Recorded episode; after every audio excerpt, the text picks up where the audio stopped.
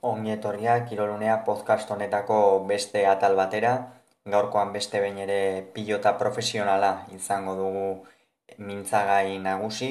eta besterik gabe goazen gaurko menuaren berri ematera. Lehenik eta behin gaur lasok eta elezkano bigarrena jokatu duten lauterdiko txapelketa nagusiko ligaiskako B multzoko bigarren partidaren analisia egingo dugu, oratuko dugu atzo ezkurdia eta elordi izan zirela behasainen, bertan aitor elordi.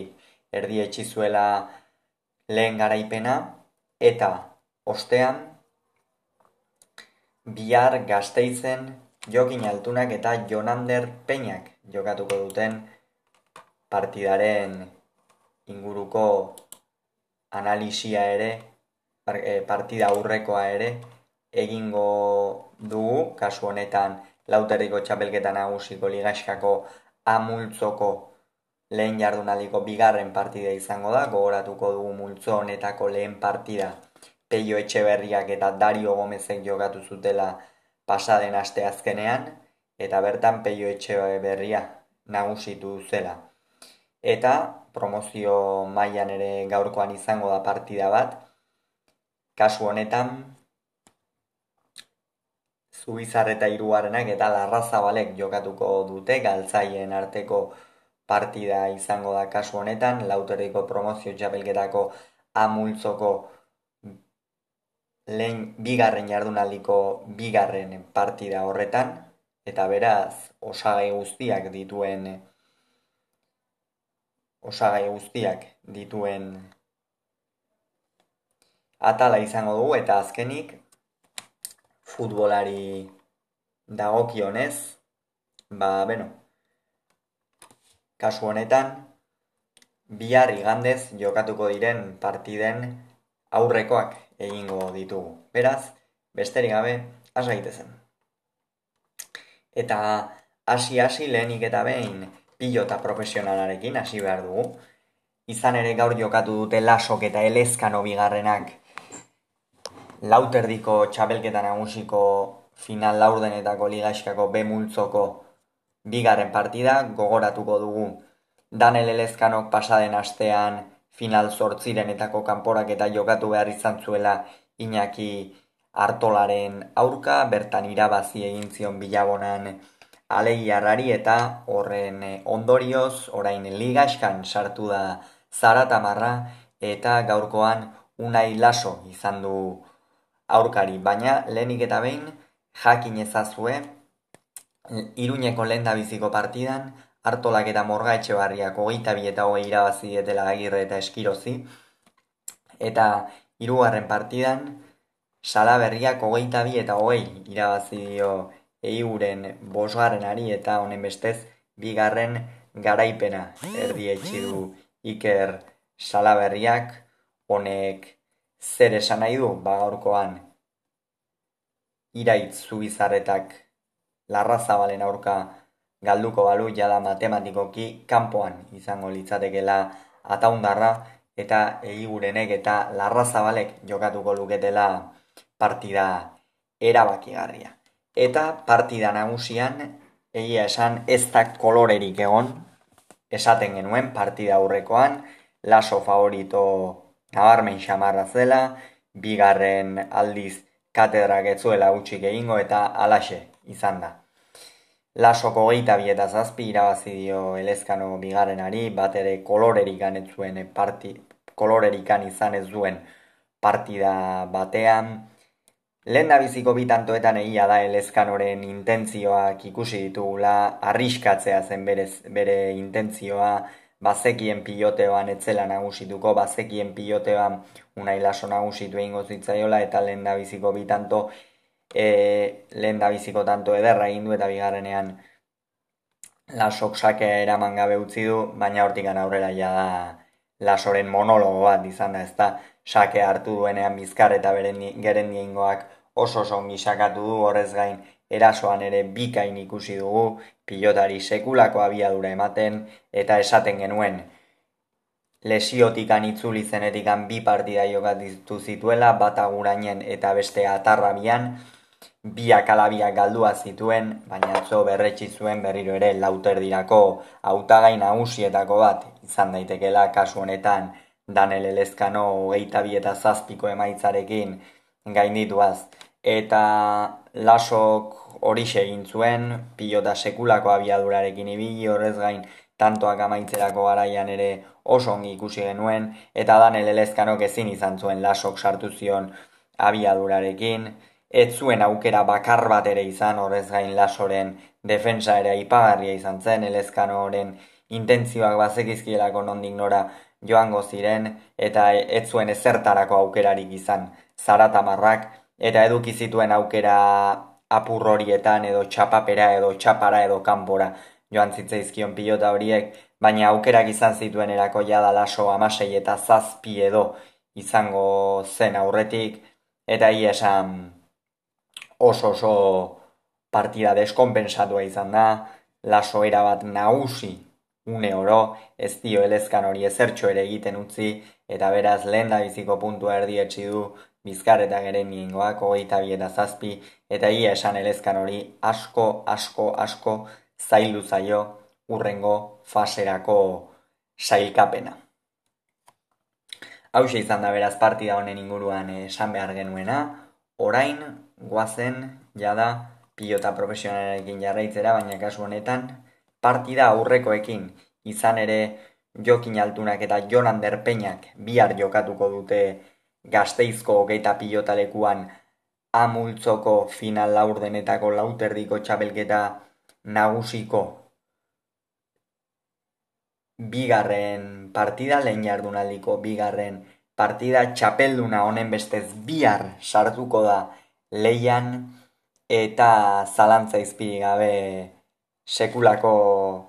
sekulako ikusmina sortu du partida honek. Batetik noski txapelduna leian sartzen delako baina bestetik ere Jonan Derpeñak sekulako maila erakutsi duelako bai San Fermin torneoan eta baita azkenengo denboretan ere lauterdian doai ikeragarriak ditu tolosarrak, baina gaur egia da favorito nabarmena, nabarmena, jokin altuna izango dela. Ez txapelduna delako noski horregatikan ere, baina ze jokoa moldetan datorren ikusita ez da, jokin altunaren azkenengo partidak begiratzen baldin baditugu, ba beno, Masterseko finaletik, pasaden astean igandez lekun berrin hogeita bi eta amairu irabazi zieten peio etxeberria eta zabaletari berak eta martijak. Aurretik hogeita bi eta amalau garaitu zituzten partidari itzulia eman da irribarria eta errezusta berak eta tolosak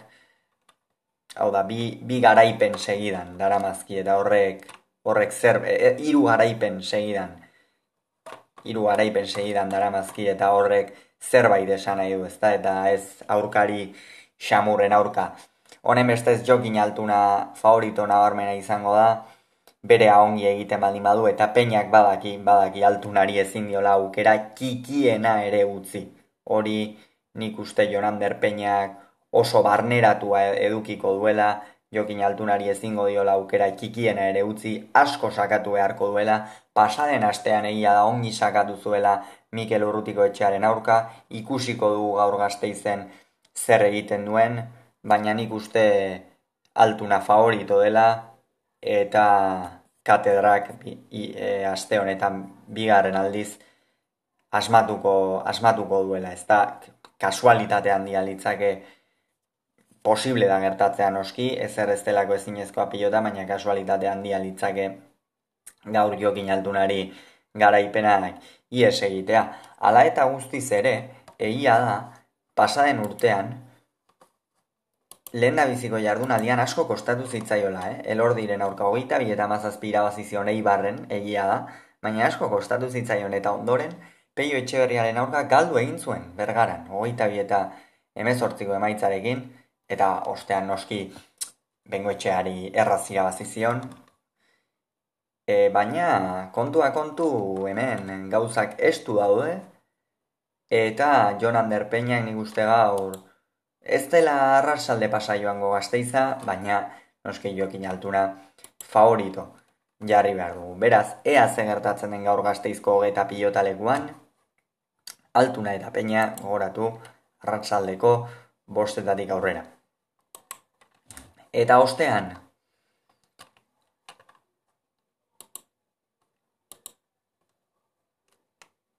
Zubizarretak eta Larrazabalek partida erabakigarria jokatuko dute, hiruaren partida kasu honetan, egia esan partida oso irekia, ia iraitzu bizar eta txapeldun ordea dela eta apur bat favoritoxeago ateratzen dela, baina data guztiz ere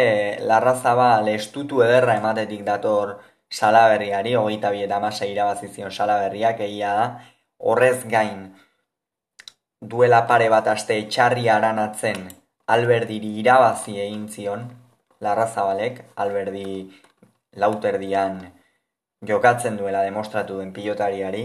irabazi egin zion larrazabalek, eta beraz gaur gauzak ez dira bat ere argi ikusten, egia noski txapelun ordearen alde aterako direla apustuak, baina Iker Larrazabalek sakatu eta eta iraitzu bizar eta eri aukerarik ematen ezpalin badio, pasaren astean julen egi gure nahi bezala, ba beno, aukera izan dezake. Larra zabalek bere arma nagusia, beno, botera eta defentsan oraindik ere ikusten da asko daukala, hobetzeko asko daukala, baina boleaz eta min ikeragarria egiten du, larra zabalek, bolea motzean eta luzean ikeragarrizkoa dauka, teknikoki ere pilotari ona dela uste dut, eta hor aukerak baliatzen balin baditu, erne, erne,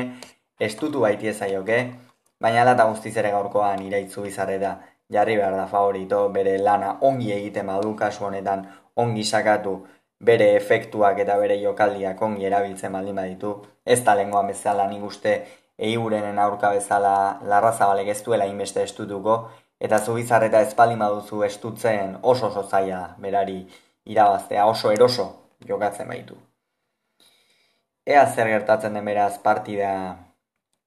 honetan ere eta guazen orain frontoietatik futbol zelaietara izan ere bi harrigandez.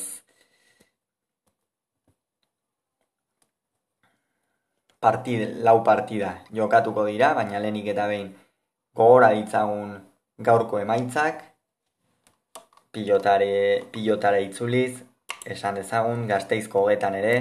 lehen biziko partidan, ezkurdiak eta erostarbek, hartola eta aranguren aurka jokatuko dutela. Beno, gaurko emaitzak, Espainiako ligako lehen mailan Gironak bat Kadizek bat, Valentziak bi Eltsek bi, Mallorcak utx Sevillak bat, eta Atletikek utx Atletiko Madrilek bat. Premierrean, Leisterrek eta Crystal Palace egin dute, Fulamek bina egin du Bormuzen aurka, Wolsek bat eta utxira bazidio Nottingham Foresti, eta Tottenhamek bi eta utxira bazidio Evertoni. Italiako ligan Empolik bat Monzak utx, Torino utx Juventusek bat, Atalantak bi Sasuolok bat, bigarren mailan Espainiako bigarren mailan, Andorrak utx Alabesek bat, Zaragozak bi Bilarrealbek bat,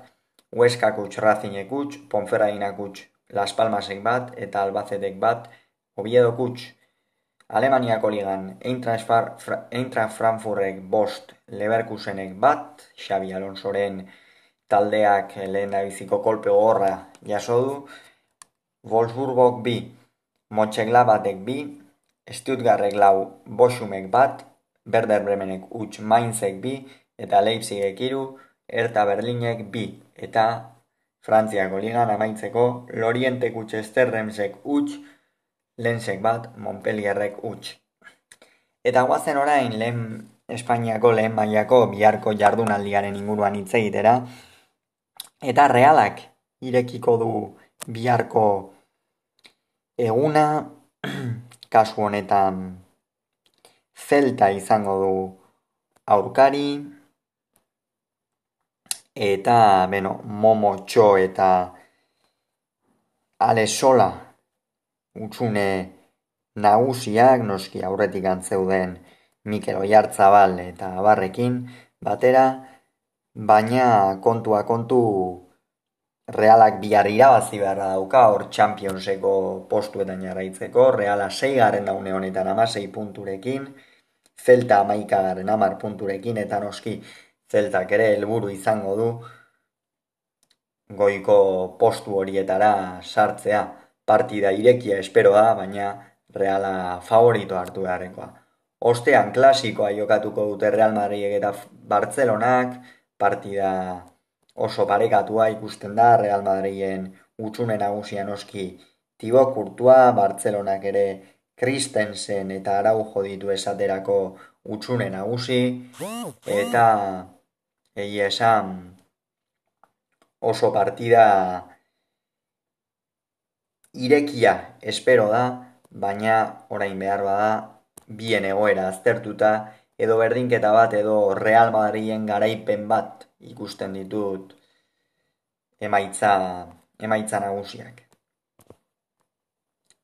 Sei terdietan jokatuko dute Espainolek eta Valladolidek, partida honen kasuan Espainol une honetan zuloan da, sei punturekin, Valladolid ere ia zuloan, zortzirekin, oso partida irekia, baina duitzen zait dituzten bajak eta kontutan hartuta gaur berdinketa batekin aterako direla biak Power King Stadiumetik. Eta azkenik Betisek eta Almeria gitxiko dute jardunaldia. Betis goian da, bosgaren postuan amasei punturekin, Almeria amazazpigaren zazpi punturekin, Rubirenek batu egin nahi dute gaur, baina ez dute erraza izango eta iruditzen zait gaur betisi, ez diola garaipenak ies egingo. Hau beraz gaurko zesan behar genuen guztia, aurrengoan gehiago izango zue kirolunea podcast honetan, bitartean izan